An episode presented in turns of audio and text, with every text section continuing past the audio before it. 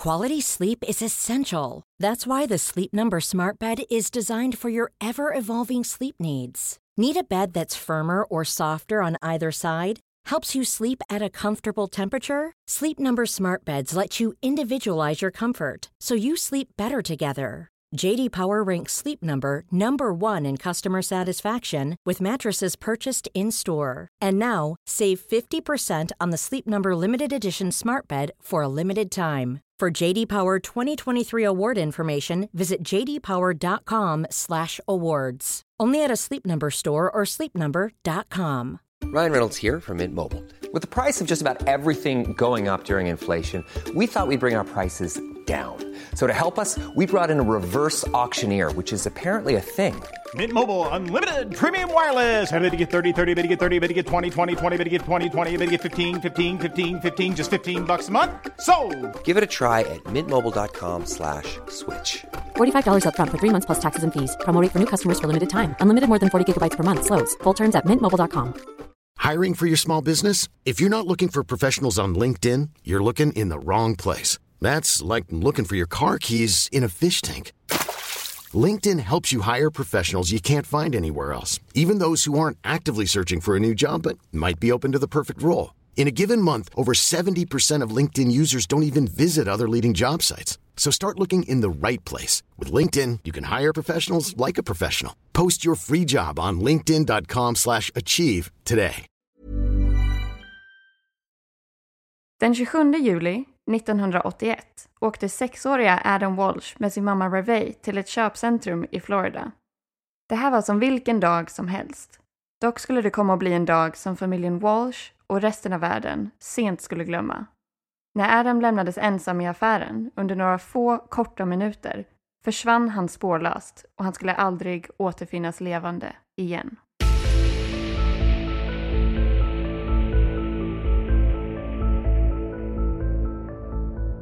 Hej och välkomna till avsnitt nummer fem. Idag kommer vi att prata om kidnappningar och det här har jag verkligen sett fram emot. Alltså det är ett jättehemskt ämne, men det har ju varit väldigt intressant att researcha. Ja, verkligen. Och just kidnappningar är ju såklart ett väldigt brett ämne. Så för just det här avsnittet har vi därför valt att rikta in oss på kidnappningar som har skett i just USA. Och om vi senare väljer att göra fler avsnitt med just kidnappningar så kommer vi säkert att rikta in oss då på ett annat land eller annat område. Precis. Och vi har ju en del idéer om avsnitt framåt och vi har ju också fått in ganska mycket tips från er som lyssnar. Och det är vi såklart jättetacksamma för. Så fortsätt gärna att skriva och kommentera vad ni skulle vilja att vi pratade om. För att allt ni tipsar om, det skriver vi ner och så jobbar vi på att genomföra så många av de avsnitten som vi bara kan. Ja, precis. Och ni hittar ju oss både på Instagram och Facebook där vi heter Rysapodden. Och där kan ni gärna kommentera men också skicka meddelande till oss direkt via DM, vilket eh, många av er faktiskt redan har gjort, så vi uppskattar verkligen det. Och eh, ni får jättegärna fortsätta göra så. Och många frågar ju också hur ofta vi släpper våra avsnitt och det här är ju någonting som vi jobbar på och vi hoppas att snart kunna leverera avsnitt mer kontinuerligt, så ha tålamod med oss. Men i det här avsnittet så kommer vi att prata om kidnappningar och i och med de fallen som vi har valt så kommer vi också nämna saker som rör våld, sexuella övergrepp och mord på barn. Så vi vill ändå skicka med en varning till känsliga lyssnare eftersom det inte är helt uppenbart i titeln på det här avsnittet. Men nu när den delen är avklarad så tycker jag att vi går vidare med det här avsnittet.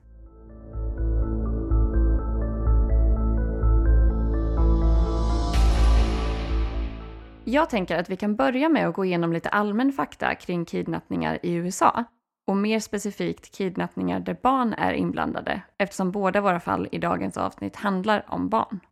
Och det finns ju olika typer av försvunna barn. Det finns barn som har valt att rymma och som har kidnappats av en familjemedlem eller av en helt främmande person. Och all form av statistik är ju alltid lite osäker eftersom många personer som försvinner aldrig anmäls till polisen. Men enligt FBI så finns det totalt 85 459 aktiva ärenden med försvunna personer i USA. Av de här är 34,8 procent, alltså 29 758 barn. Och det här är då statistik från december 2018. När ett barn rapporteras försvunnet till polisen så förs den här informationen in i FBI-statistik och under 2018 så noterades 424 66 registreringar för saknade barn. Den här siffran kan dock vara lite missvisande för att om ett barn rymmer hemifrån flera gånger så registreras varje tillfälle i statistiken. Och i USA så finns det något som heter Amber alert. Amber står för America's Missing Broadcast Emergency Response. Och det här är också tillägnat en flicka som hette Amber Hagerman som kidnappades och mördades 1996. Och det här är något som polisen använder när de anser att ett barn är kidnappat och i stor fara. Och då är det så att man skickar ut ett meddelande till allmänheten som innehåller beskrivningar av barnet och det man vet om kidnapparen. Det kan ju vara exempelvis utseende eller vilken bil man har kört eller sådär. Och under åren 1997 till 2019 så har Amber Alerts varit en stor del i att hitta 957 barn. Och det finns en frivillig organisation som heter National Center for Missing and Exploited Children, alltså NCMIC. Och de hjälpte polisväsendet med över 25 000 ärenden med försvunna barn under 2018. Och under 2018 så rapporterades cirka 23 500 rymningar till NCMIC. Och det tros att en av sju av dessa med största sannolikhet har fallit offer för sexhandel. NCMC är en ideell organisation som grundades 1984 för att verka som ett resurscenter för försvunna barn. Och det som kan vara intressant att veta om den här organisationen är att det fallet som du ska prata om, Annie, faktiskt har en stor roll i att den här organisationen grundades från första början. Så jag tycker att vi går in på ditt ämne direkt nu.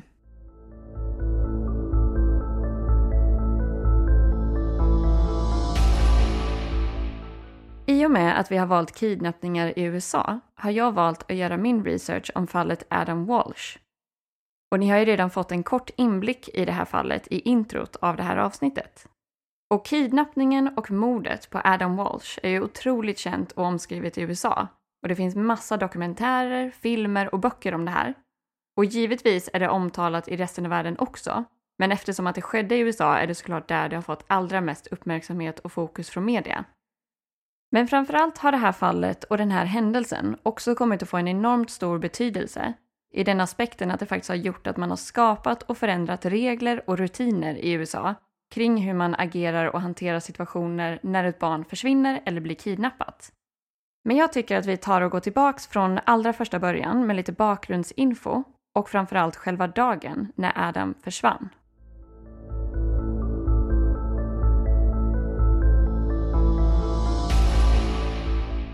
Familjen Walsh bestod av mamma Revey, pappa John och deras förstfödde och vid den här tidpunkten enda son Adam, som var sex år gammal.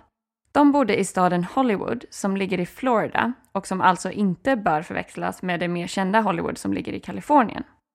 John jobbade med ett stort byggprojekt av ett nytt hotell och i ett citat från John i en tv-intervju levde familjen Walsh verkligen the American dream och var väldigt lyckliga tillsammans.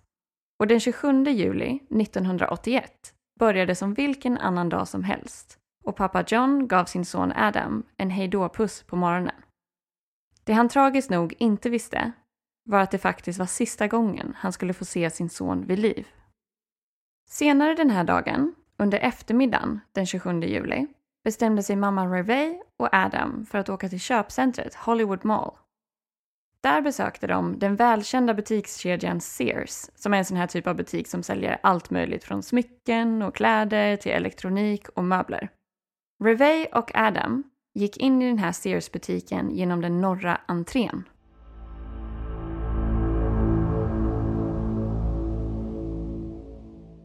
Vid den här tidpunkten, år 1981, var ju tv-spel någonting helt nytt och givetvis var det därför väldigt spännande för sexåriga Adam att se och inne i den här butiken fanns en displayavdelning där man då visade upp och kunde få testa de här nya coola tv-spelen från varumärket Atari. Och han blev såklart helt förtrollad av allt det här. Och det stod redan ett gäng unga pojkar vid den här displayen och turades om med att spela.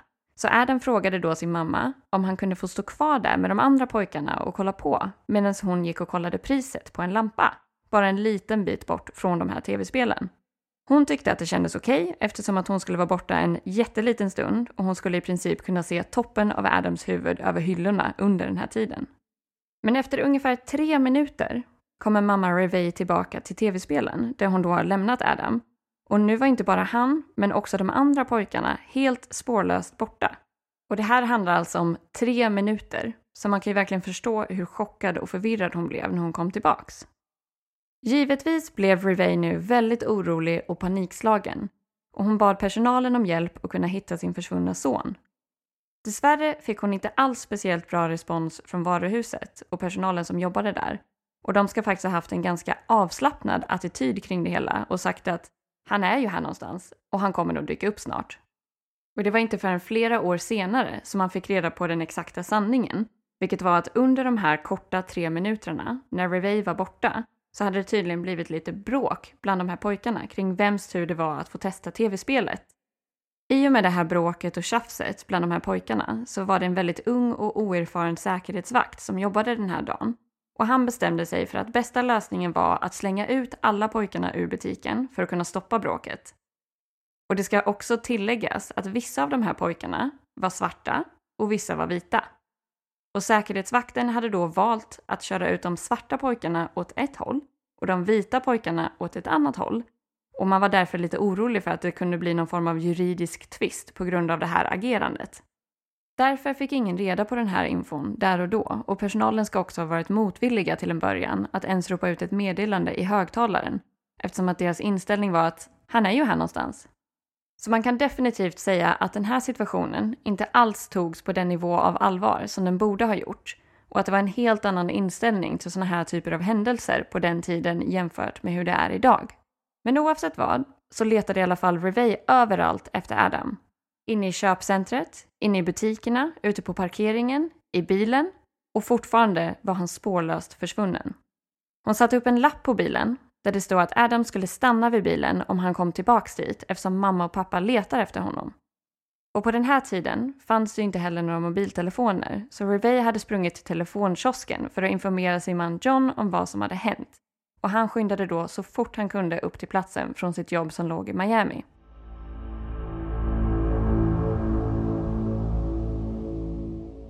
Och när John väl kom fram till platsen så var Revey helt förstörd. Och tydligen ska det också ha tagit väldigt lång tid innan en faktisk uniformerad polis hade kommit till platsen, trots att polisstationen sjukt nog låg precis över gatan. Och när John var på plats så frågade han polisen var alla andra var, alla de som skulle komma och hjälpa och leta efter Adam och varför tog de inte det här på allvar? Då fick han ett bemötande om att han skulle ta och lugna ner sig och att det faktiskt var väldigt vanligt att barn bara vandrar iväg och väljer att gå ensamma hem.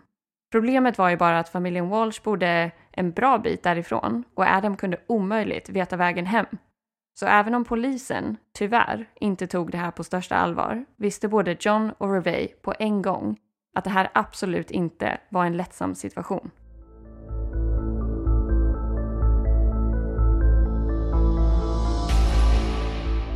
Som sagt togs ju sorgligt nog inte det här försvinnandet på speciellt stort allvar och vid den här tidpunkten hade polis och myndigheter i det här området ingen egentlig vana av sådana här typer av händelser och kidnappningar. Så även om polisen självklart letade efter Adam och undersökte fallet fick John och Revey själva dra väldigt mycket i utredningen för att någonting skulle hända på riktigt. De var nere på den lokala polisstationen i princip dygnet runt och de fick jättemycket hjälp av vänner och familj för att kunna leta dag och natt efter Adam ute på vägarna och i området om det skulle vara så att han faktiskt hade försökt att ge sig iväg hem på egen hand. Fem dagar efter Adams försvinnande står John uppe på en bil på parkeringen till det här köpcentret med massa volontärer runt omkring sig. Och han ber allmänheten att inte ge upp hoppet om att hitta hans son eftersom de själva absolut inte har gjort det heller. Och vid den här tidpunkten så hade man inte hittat några konkreta eller värdefulla spår, men inte heller någon kropp, så det fanns ju fortfarande hopp och möjligheter kvar. Familjen Walsh gick därför ut med en hittelön på 5 000 dollar för information som kunde leda till återfinnandet av Adam. Man tryckte också upp ungefär 150 000 posters och flygblad med Adams bild och hittelönen på, som skulle då delas ut i närheten, men också utanför området, och vid det här laget började man misstänka att Adam faktiskt hade blivit kidnappad och att han därför kunde befinna sig i princip var som helst. Och det finns ett videoklipp från just det här ögonblicket på parkeringen och vi kan länka till det sen på Facebook. Men det är fruktansvärt hemskt att se hur desperata och panikslagna de här föräldrarna är, men att de fortfarande verkligen försöker vara rationella och taktiska för att kunna få tillbaka sin son. Och John och Revey satte till och med in ett eget avlyssningssystem på sin hemtelefon ifall någon skulle kunna tänkas ringa och pressa dem på pengar eller liknande. Och det är ju verkligen lite sjukt att det är någonting som de fick göra själva. Men som sagt så var det lite så här på den här tiden. Och ibland så krävs det tyvärr att det händer någonting så här hemskt för att saker och ting ska tas på allvar och därför också kunna förändras till det bättre.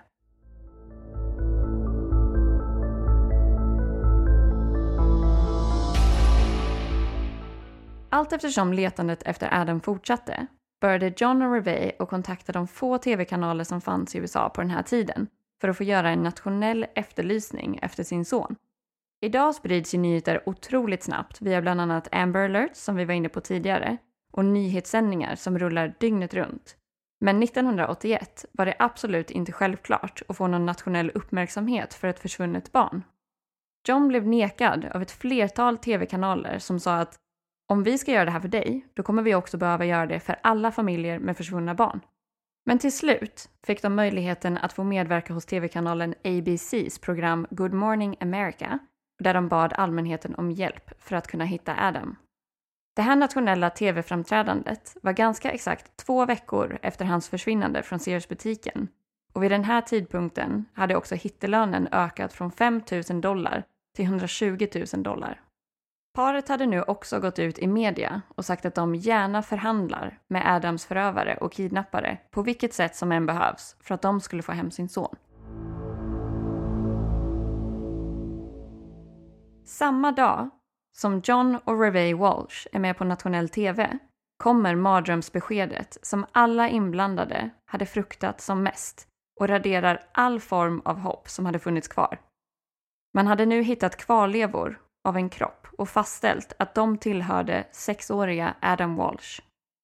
Sent på kvällen, den 10 augusti, hade två fiskare hittat ett människohuvud flytande under en liten bro i en kanal nära Vero Beach som låg nästan 21 mil från platsen där man senast hade sett Adam, alltså i köpcentret.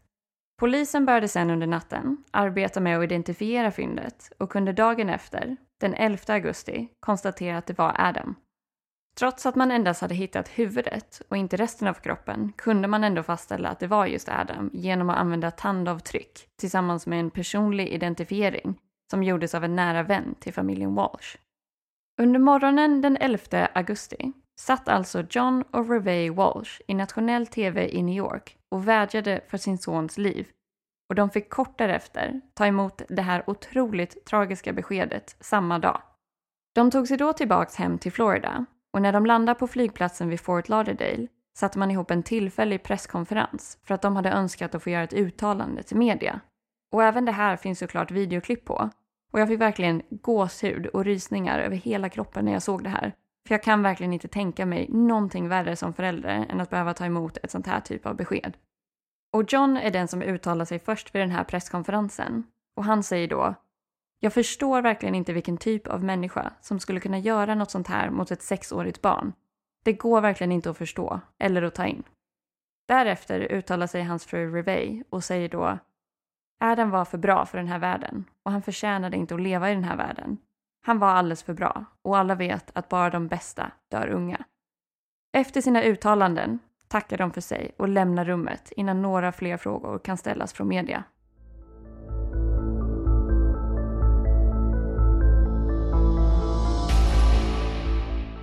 Än idag har man aldrig lyckats hitta resten av Adams kropp.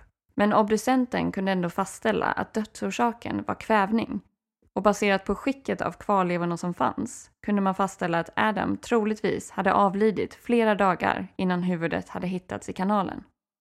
John och Revey ansåg att polisen i Hollywood gjorde väldigt många slarviga misstag och agerade på felaktiga sätt kring hela utredningen för både kidnappningen och senare även mordet på deras son. Och precis som John sa i sitt uttalande under presskonferensen på flygplatsen så undrade nu alla fortfarande vem som faktiskt skulle kunna göra något så här ondskefullt mot ett oskyldigt sexårigt barn och framförallt också varför. Familjen Walsh, polisen och allmänheten hoppades få ett slutgiltigt svar på den frågan den 21 oktober 1983 då man fick ett erkännande för kidnappningen och mordet på Adam. Och detta kom från en man som hette Otis Toole som var psykopat, kannibal och seriemördare. Och jag har tidigare läst en hel del om den här mannen och det är definitivt en av de mest vidriga individerna som jag någonsin har hört talas om. Och vi får kanske ta och gå in i mer detalj på den här personen i ett annat avsnitt senare. När Otis gjorde sitt uttalande och tog på sig skulden för Adams mord satt han redan i fängelse för två andra helt orelaterade mord. Han påstod i sitt erkännande att han skulle ha plockat upp Adam på parkeringsplatsen utanför Sears vid köpcentret där Adam försvann ifrån.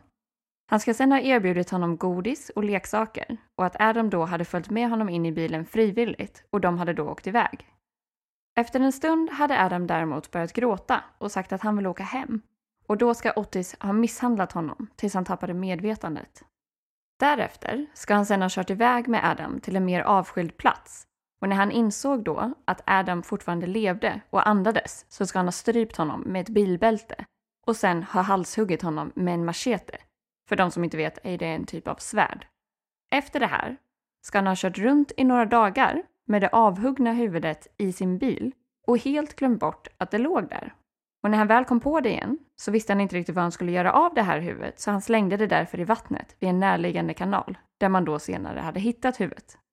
En väldigt skum grej i allt det här är att polisen på något oförklarligt vis lyckades med det omöjliga att tappa bort Otis bil och själva macheten som givetvis var otroligt värdefulla bevis i det här fallet.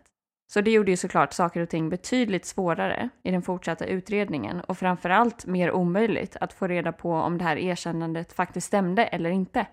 Men trots den här förlusten av bevisföremål kände sig både John och Revey Walsh väldigt övertygade om att det faktiskt var Otis Tool som var gärningsmannen och att man hade hittat rätt person. I och med att man inte hade något DNA eller bindande bevis mot Otis Tool kunde han inte bli åtalad för mordet på Adam Walsh. Men han satt ju redan i fängelse för andra mord, så det var inte precis som att han var ute och var fri på gatorna oavsett. Men det är ändå väldigt sorgligt att de bevisföremål som potentiellt hade kunnat stärka och bekräfta det här erkännandet helt enkelt slarvades bort av polisen.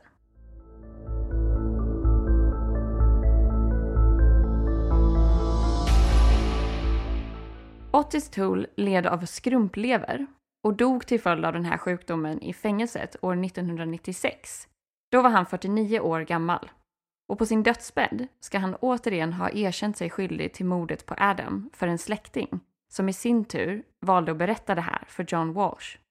Året därefter, 1997, släppte John Walsh en bok som hette Tears of Rage där han berättar om händelserna kring försvinnandet och mordet på deras son. Kort därefter startade den nyligen tillsatta polischefen Rick Stone upp en helt ny utredning hos polisen i Hollywood, Florida. Trots att händelserna hade ägt rum 16 år bakåt i tiden gjordes ändå analyser av alla bevis och de gick återigen igenom alla inspelade förhör med Otis Tool. Polischefen Stone uttalade sig sen efter utredningen och sa att bevisen pekar på att Otis Tool var den skyldiga gärningsmannen och att detta var utom rimligt tvivel. Det finns dock många som fortfarande är väldigt kritiska till om det faktiskt var Otis Tool som var ansvarig för mordet på Adam Walsh. Han hade nämligen en väldigt nära relation och vänskap till en annan seriemördare vid namn Henry Lee Lucas. Och både Otis och Henry hade en tendens att erkänna olika mord lite till höger och vänster och sen plötsligt ta tillbaks allt de hade sagt. Under åren ska de tillsammans sammanlagt ha erkänt ungefär 200 olika mord och väldigt många av de här erkännandena, framförallt Henrys, har senare visat sig vara helt inkorrekta och att de till och med hade blivit framtvingade eller manipulerade av polisen. Men helt oskyldiga var de verkligen inte. Det tål verkligen att sägas, för att de här var verkligen riktigt vidriga och hemska människor.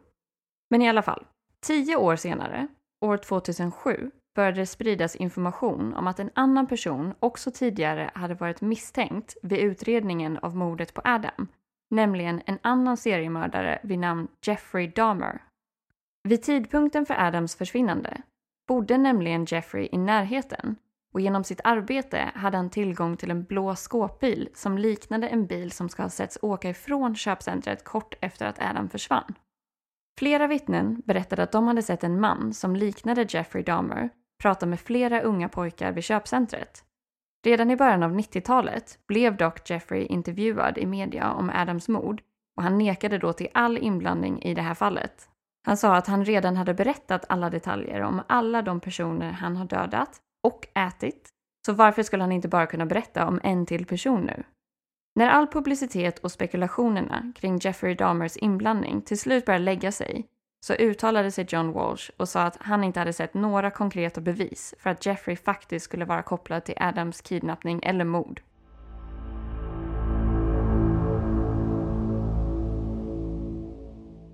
Ett år senare, år 2008, och alltså hela 27 år efter mordet på Adam Walsh, gick polisen i Hollywood, Florida, ut med information om att de nu med största säkerhet kunde konstatera att det var Otis Tool som var skyldig till de här hemska handlingarna och att hela fallet kring Adam Walsh officiellt nu hade lagts ner. Polisen hade vid den här tidpunkten fortfarande inga nya ledtrådar, bevisföremål eller DNA för att kunna styrka det här beslutet. Däremot ansåg de att det fanns allt för många slumpmässiga indikationer kring Otis Tools inblandning och framförallt gällande alla specifika detaljerna i hans erkännande. Och den här extra utredningen som ägde rum 97 bidrog också väldigt mycket till att styrka beslutet ännu mer. Polischefen uttalade sig och bad om ursäkt till familjen Walsh över att det tagit så otroligt lång tid att utreda och avsluta det här fallet och framförallt också för alla onödiga misstag som hade gjorts under hela den här utredningen. Trots alla de här misstagen och hur dåligt utredningen sköttes sa familjen Walsh att de ändå någonstans kände en enormt stor tröst i att ha ett officiellt svar på vem som tog deras son ifrån dem.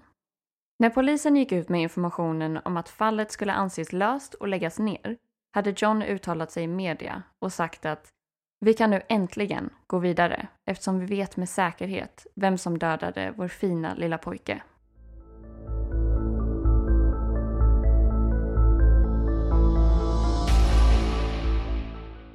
Det här fallet är ju som sagt otroligt känt och när jag påbörjade min research så märkte jag verkligen vilka enorma mängder information, teorier, spekulationer och material som det finns om just Adam Walsh.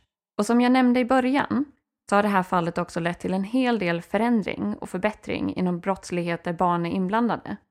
År 1993 släpptes filmen Adam som handlar om kidnappningen och mordet på Adam Walsh och drog till sig en enorm tittarpublik på hela 38 miljoner människor bara under premiären. Och varje gång den här filmen visades efter det här så valde man att inkludera bilder och beskrivningar av försvunna och kidnappade barn i slutet. Och där fanns också ett nummer som man kunde ringa om man visste någonting eller satt på någon form av värdefull information kring var de här barnen kunde befinna sig. Vid premiärsändningen av filmen Adam år 1983 blev 13 av de 55 barnen som visades i slutet hittade och kunde återförenas med sina familjer. Så det är faktiskt helt otroligt att så många kunde hittas och att någonting fint ändå kunde komma ur den här jättehemska händelsen. Någonting som är väldigt beundransvärt i allt det här är att John och Revey Walsh verkligen gjorde ett aktivt val att använda sina erfarenheter och det de hade tvingats gå igenom för att kunna påverka och förbättra för andra barn och familjer i samhället. Och Adams fall var en starkt påverkande faktor till att USAs regering år 1984 aktiverade nya lagar och regler kring hur man hanterar och arbetar för att återfinna försvunna barn. Den här lagändringen går under namnet Missing Children's Assistance Act och är aktiv än idag. Samma år, och som en direkt följd av den här nya lagen, grundades också den ideella organisationen som vi nämnde här i introt, nämligen NCMEC som står för National Center for Missing and Exploited Children. Och det här är ju då en form av resurs och informationscenter för föräldrar, barn, myndigheter, skolor och samhällen. Och de kämpar väldigt hårt för att man ska återfinna de barn som försvinner. Och också för att sprida kunskap och förståelse om andra viktiga ämnen som sexuellt våld mot barn och barnpornografi. Med andra ord är de alltså en superviktig och värdefull organisation som tyvärr verkligen behövs i dagens samhälle. Och självklart var det inte bara Adams fall i sig självt som aktiverade den här nya lagen och gjorde så att den här organisationen grundades, utan också massor med hårt arbete och påverkan från John och Revey Walsh tillsammans med andra föräldrar vars barn också har blivit kidnappade eller försvunnit. Så det är framförallt tack vare deras extremt hårda arbete som allt det här kunde hända. Och man skulle kunna säga att de tog den här kampen eftersom de ville undvika att andra föräldrar, barn och familjer skulle behöva gå igenom samma sak som de har gjort och behöva känna samma frustration över bristen på kunskap, rutiner och resurser som fanns att tillgå vid tidpunkten när deras barn försvann.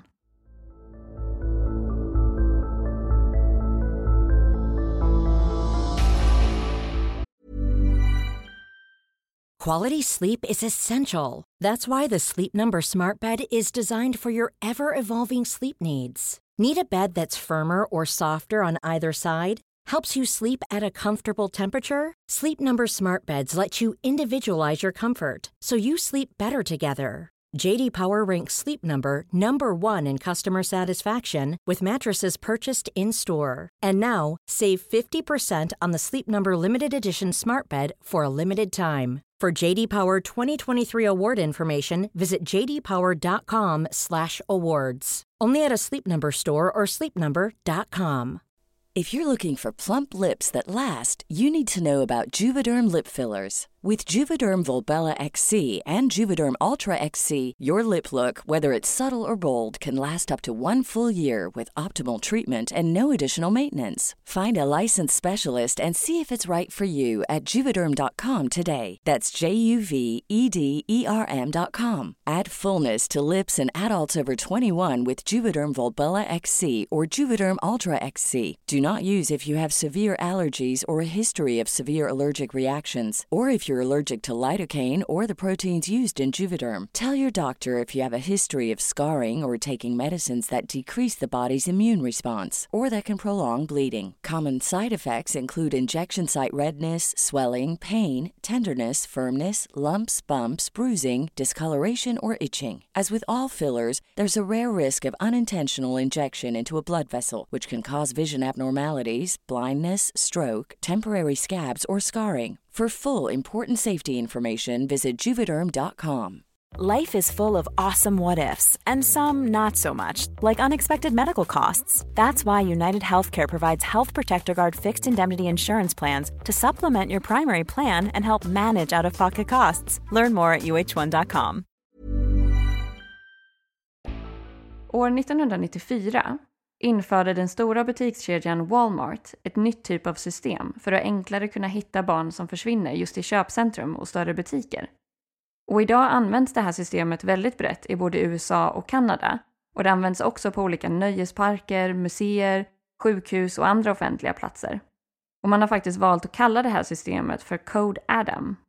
Så om ett barn försvinner i de här miljöerna, till exempel i ett köpcentrum, kan man då aktivera en Code Adam och det innebär bland annat att man låser alla dörrar i byggnaden, placerar en butiksanställd vid alla utgångar samtidigt som man använder högtalarsystemet för att meddela vad det är som har hänt och beskriva hur barnet ser ut, namn och annan viktig information. Och Code Adam är ju då en tidigare version av Amber Alert som vi också hörde i introt.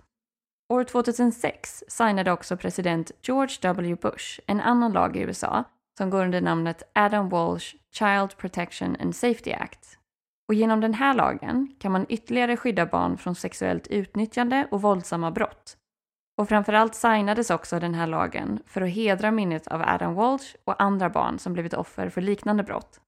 Och det slutade faktiskt inte heller med allt det här viktiga förändringsarbetet för Adams pappa John Walsh. Idag är han faktiskt mest känd som programledare och skapare av det kända tv-programmet America's Most Wanted som bidrar till att fånga olika typer av brottslingar på flykt. Man kan säga att det är lite USAs version av Efterlyst. Så det här med rättvisa och att motverka olika typer av brottslighet blev ju verkligen hans kall i livet. Men eh, sammanfattningsvis kan man ju verkligen säga att fallet kring Adam Walsh definitivt är en av de mest tragiska någonsin i amerikansk historia men också ett av de absolut viktigaste med tanke på alla positiva förändringar och förbättringar som det faktiskt också har bidragit till.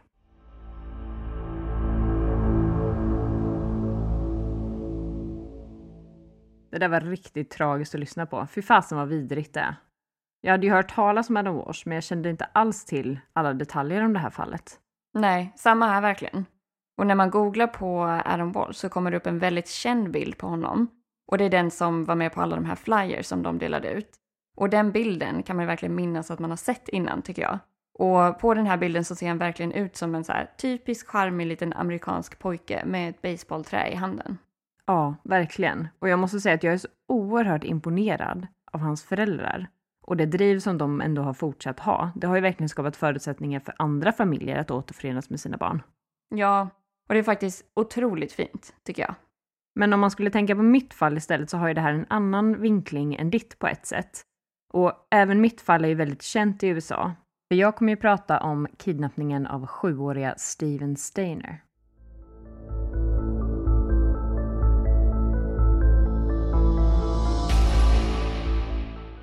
Den 4 december 1972 så var sjuåriga Steven Steiner på väg hem från skolan när en man vid namn Irvin Edward Murphy närmade sig Steven och berättade att han sökte donationer till kyrkan. Irvin frågade om Steven trodde att hans mamma skulle kunna tänka sig att donera någonting. Och Steven sa ja. Och de beslutade att Steven skulle visa Irvin vart han bodde. Det Steven inte visste var att Irvin hade blivit vän med en man vid namn Kenneth Parnell en dömd pedofil som hade övertygat Irvin om att hjälpa honom att kidnappa en pojke.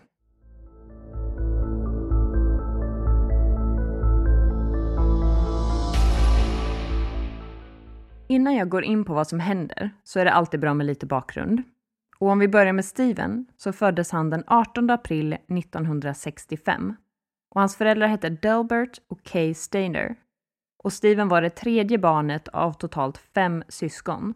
De var två killar och tre tjejer. Och de bodde i Merced i Kalifornien. Vad gäller kidnapparen Kenneth Parnell så föddes han 26 september 1931 i Amarilla, Texas. Men flyttade sen tillsammans med sin mamma och sina syskon till Bakersfield i Kalifornien. Kenneth växte upp utan sin pappa, som övergav familjen när han var sex år gammal. Under sin ungdomstid så åkte Kenneth in och ut från ungdomsfängelse och institutioner. Och 1951, när Kenneth var 20 år gammal, så arresterades han för att ha förgripit sig på en ung pojke. Han dömdes året efter till strax under fyra år i fängelse. Kenneth påstår själv att han har varit gift tre gånger, men det finns bara två äktenskap dokumenterade. Han var gift med en kvinna som hette Patsy 1950 och de fick en dotter ihop året därpå och skilde sig 1957. Han gifte sig sen med en kvinna som hette Emma, som var tio år äldre än honom, och hon födde också en dotter strax efter att de hade gift sig. När Kenneth var i 30-årsåldern hamnade han i fängelse igen på grund av rån. Och när han satt i fängelse så ansökte hans andra fru om skilsmässa. Men om vi nu tar och hoppar tillbaka till dagen den 4 december 1972 så har Steven precis träffat Irvin och när de ska gå hem till Steven för att söka donationer till kyrkan så kör en vit bil fram och hämtar upp Irvin och Steven för att åka till vad Steven trodde var hans hus. Bilen körs av Kenneth Parnell och Steven insåg när de satt i bilen att de inte var på väg hem till hans hus. Han började då böna och be om att få åka hem och Kenneth sa då till Steven att han hade haft kontakt med hans föräldrar som hade sagt att de hade inte råd att ha kvar Steven och att de därför inte ville ha tillbaka honom. Enligt vissa källor så sa Kenneth också att hans föräldrar var arga på honom och att det var därför de inte ville ha tillbaka Steven. Utifrån det här ska föräldrarna ha gjort Kenneth till Stevens nya vårdnadshavare. Och tyvärr får man väl säga att stackars Steven trodde på det här och gav då upp tanken på att någonsin få åka hem igen. Kenneth började sen kalla Steven för Dennis Gregory Parnell och de började sen leva på sätt och vis som far och son med det extremt stora undantaget att Kenneth kontinuerligt förgrep sig på stackars Steven. Kenneth använde sig av Stevens riktiga mellannamn och födelsedatum när han skrev in Steven i skolan. De flyttade runt ganska mycket och Kenneth utgav sig för att vara Stevens pappa. Steven hade utåt sett en ganska vanlig tonårstid. Han gick i skolan, han hade flickvänner och kompisar och sportade. Kenneth lät också Steven dricka alkohol vid väldigt tidig ålder och Steven hade ganska fria regler vad gäller att komma och gå hemma. Kenneth jobbade också en hel del, vilket gjorde att han då lämnade Steven själv. Och en glädje som Steven hade var en hund som han hade fått. En terrier, som egentligen Kenneth hade fått av sin mamma. Men mamma visste ju inte att Steven fanns. Steven och Kenneth levde själva, med undantag för en period av 18 månader när Steven var ungefär 9 år gammal. Och det här är alltså två år efter att han kidnappades. Då bodde också en kvinna som hette Barbara Mathias med Kenneth och Steven. Enligt Steven så ska hon tillsammans med Kenneth har våldtagit honom vid nio olika tillfällen under den här tiden som hon bodde där. Hon ska också efter order från Kenneth ha försökt lura med sig en annan pojke till Kenneths bil, men misslyckats. Barbara har senare påstått att hon var helt omedveten om att Dennis, som hon kände honom, faktiskt hade blivit kidnappad.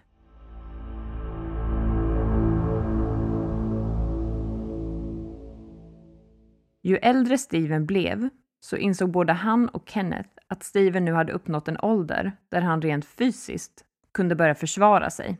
Och när Steven var 14 år gammal så började Kenneth att leta efter ett nytt barn att kidnappa. Kenneth försökte vid vissa tillfällen att använda sig av Steven för att locka med sig barn, men det här fungerade inte. Och Steven har sedan erkänt att han förstörde de här försöken med flit. 1980, i staden Ukiah, så lyckades dock Kenneth med hjälp av en kompis till Steven, som hette Sean Porman, kidnappa en femårig pojke vid namn Timothy White. Steven såg Timothy lida under två veckors tid och insåg att han måste hjälpa honom. Timothy ska dock inte ha blivit sexuellt utnyttjad, för att Steven såg alltid till att inte lämna honom ensam med Kenneth. Men i alla fall så insåg Steven att han måste göra någonting. Så att när Kenneth var iväg och jobbade så valde Steven att tillsammans med Timothy lyfta tillbaka till Ukiah för att återlämna honom till sina föräldrar. Timothy var ju väldigt liten och kunde inte hitta hem. Och då bestämde sig Steven för att lämna honom på polisstationen. Han försökte få Timothy att gå in själv och att han stannade utanför. Men polismännen såg honom och han fick följa med in. Steven har då, under sju års tid, blivit kallad för Dennis. Men när han kommer in till polisstationen så säger han någonting som senare har uppmärksammats i media. I know my first name is Steven. Alltså, jag vet att mitt förnamn är Steven.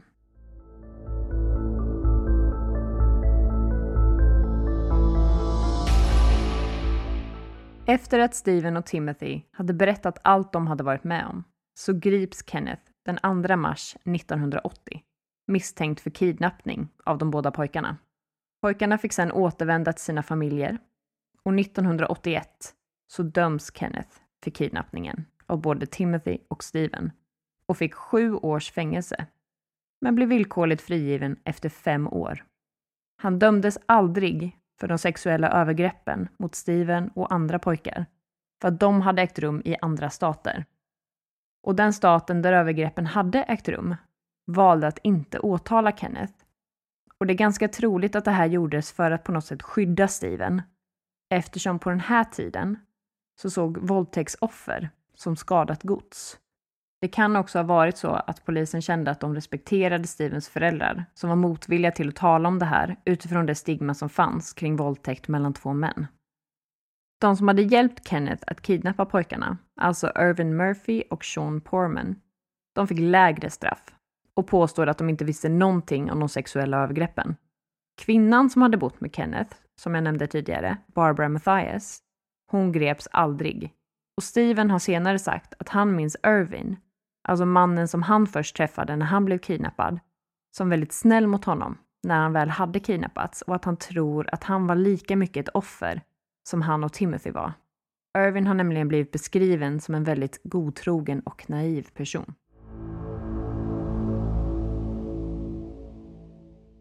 Man skulle säkert ha kunnat avsluta här och tänka att nu blev ju allt bra igen, för nu var de hemma. Men så blev det ju tyvärr inte. När Steven väl hade återvänt till sin familj så hade han ju jättesvårt att anpassa sig. Han hade liksom växt upp med att kunna dricka alkohol och inte ha några regler att förhålla sig till. Och han ska ha sagt i en intervju med Newsweek att jag återvände till min familj näst intill vuxen, men blev till en början sedd av mina föräldrar som deras sjuåriga son. När de slutade med det här så blev det bättre. Men varför kramar aldrig min pappa mig? Allt är förändrat. Ibland anklagar jag mig själv. Ibland vet jag inte om jag borde ha kommit hem. Hade det varit bättre om jag inte gjorde det? Steven gick igenom en kort period av terapi, men sökte aldrig vidare hjälp.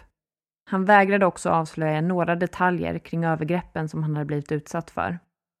2007 så intervjuades Stevens syster som sa att Steven inte gick i terapi för att deras pappa sa att Steven inte behövde det.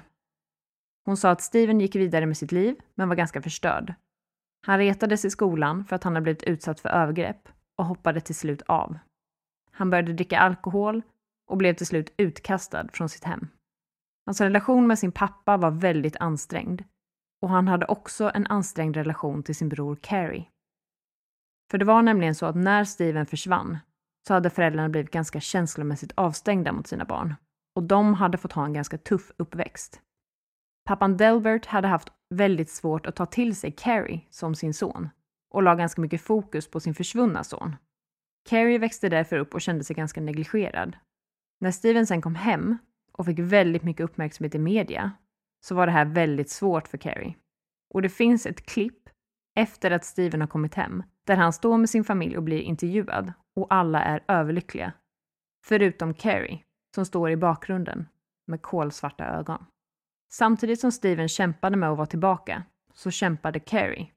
Hans tillflykt blev till närliggande Yosemite Park dit han åkte för att röka på.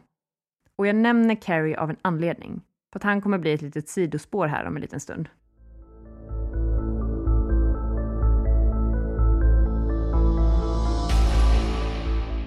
–1985, när Steven var 20 år gammal, så gifte han sig med 17-åriga Jodie Edmondson och de fick två barn tillsammans. Han började få ordning på sitt liv och Steven jobbade med både stödgrupper för kidnappade barn och pratade med barn om skydd och gav intervjuer om sin egen kidnappning. Och han gick även med i kyrkan. Tyvärr så fortsatte Stevens liv att kantas av olycka och 16 september 1989 så var Steven ute och åkte motorcykel när han krockade med en bil. Han fick så allvarliga huvudskador att han avled 24 år gammal. 500 personer kom till hans begravning och 14-åriga Timothy White var en av dem som bar hans kista. Kenneth Parnell ska ha sagt i en intervju att han grät för första gången sedan sin barndom när han fick höra att Steven hade dött.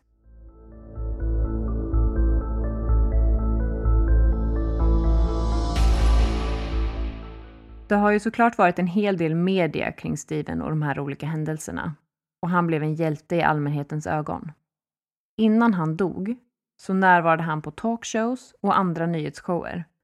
Och det gjordes även en miniserie om honom 1989 som hette I know my name is Steven.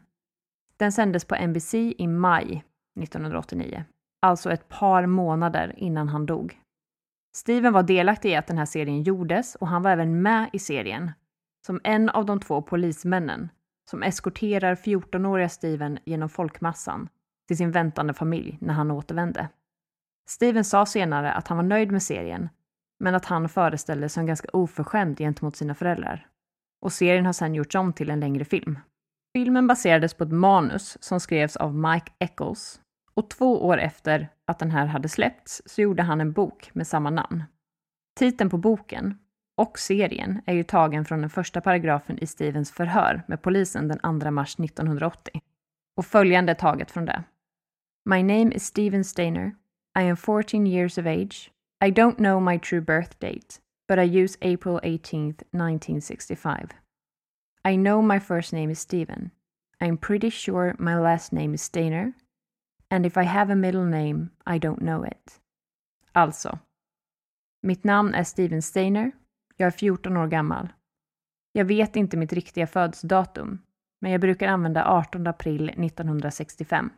Jag vet att mitt förnamn är Steven. Jag är ganska säker på att mitt efternamn är Steiner. Och om jag har ett mellannamn så vet jag det inte.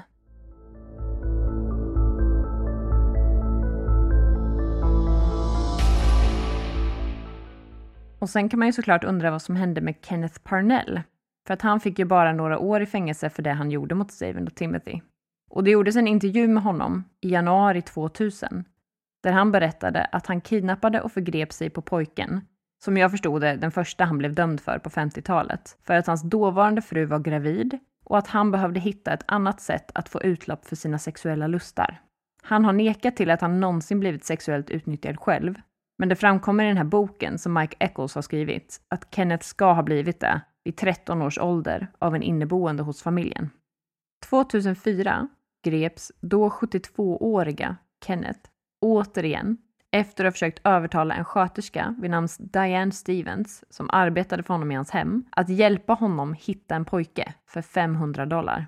Diane, som visste om vem Kenneth var, informerade polisen om det här och hjälpte dem att sätta dit honom genom att låtsas gå med på hans önskan. Kenneth betalade Diane 100 dollar för ett födelsebevis och hade med sig 400 dollar när överlämningen av barnet skulle ske.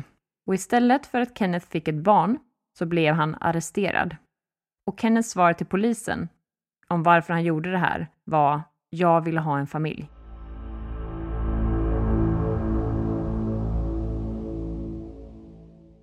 Timothy White, som nu var en vuxen man, vittnade under den här rättegången. Och Stevens vittnesmål från tidigare rättegång spelades upp eftersom han vid det här laget hade dött.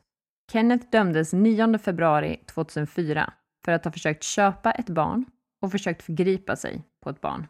Även om inget specifikt barn hade blivit utvalt så lyckades åklagaren argumentera för att hans historik, porr som hittades i hans hem och Kennets egna vittnesmål var tillräckligt för att veta att Kennets intentioner var kriminella.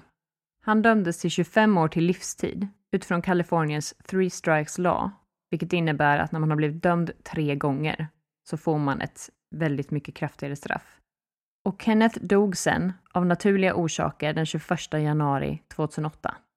Sen har vi lilla Timothy White. Han växte upp och började arbeta inom Los Angeles-polisen. Han hade fru och två små barn.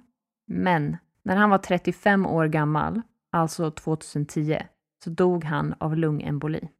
Och sen kommer vi då till mitt lilla sidospår, men det kändes ändå värt att nämna, för att åtta år efter att Steven har dött så har hans bror Carrie fått jobb vid Yosemite Park som en vaktmästare. Och i februari 1999 så besökte tre kvinnor den här parken. Det var Carol Sund, 42, hennes dotter Julie, som var 15, och deras vän Silvina Peloso, som var 16. Carol och Silvina hittades sen i bagageutrymmet i Carols bil, som hade blivit uppbränd.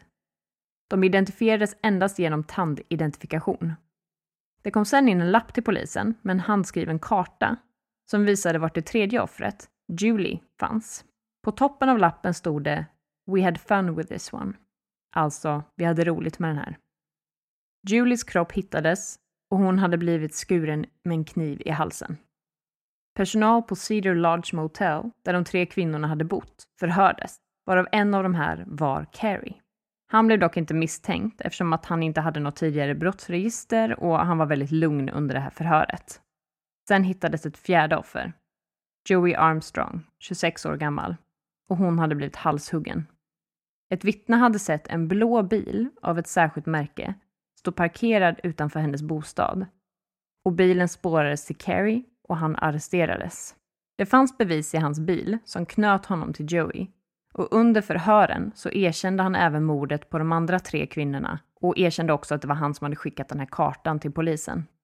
Carrie ska senare ha sagt att han har fantiserat om att mörda kvinnor sedan han var sju år gammal. Alltså långt innan hans bror blev kidnappad. Carrie dömdes till döden 2002 och sitter nu i fängelse i väntan på avrättning.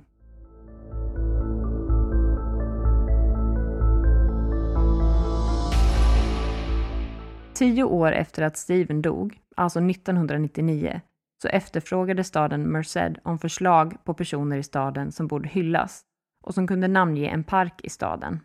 Stevens föräldrar föreslog att parken skulle döpas efter Steven och heta Stainer Park. Den här idén nekades dock på grund av Stevens bror Carey, för att man var rädd att parken skulle kopplas ihop med honom istället för Steven. Men fem månader efter Timothy Whites död, 2010, så restes dock en staty i staden Merced som föreställde en tonårig Steven hållandes i hand med femåriga Timothy när de flyr mot friheten. Statyn står där, både för att hylla Steven, men också för att ge hopp till familjer vars barn har blivit kidnappade, om att barnen kanske fortfarande är vid liv.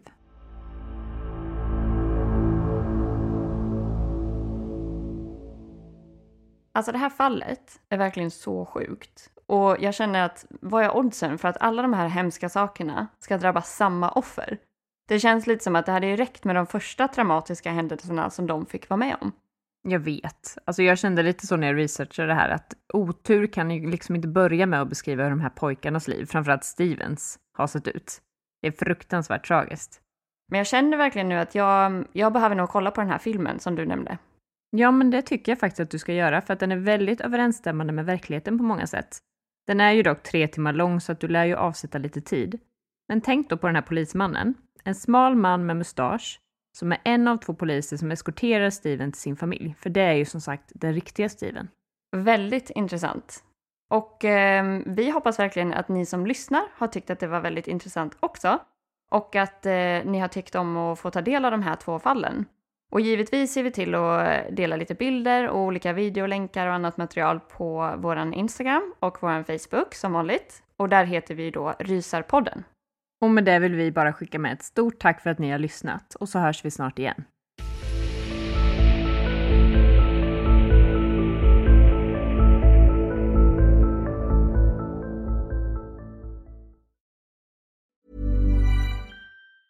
Planning for your next trip? Elevate your travel style with Quince. Quince has all the jet setting essentials you'll want for your next getaway, like European linen, premium luggage options, buttery soft Italian leather bags, and so much more. And it's all priced at 50 to 80% less than similar brands. Plus, Quince only works with factories that use safe and ethical manufacturing practices. Pack your bags with high-quality essentials you'll be wearing for vacations to come with Quince. Go to quince.com slash trip for free shipping and 365-day returns.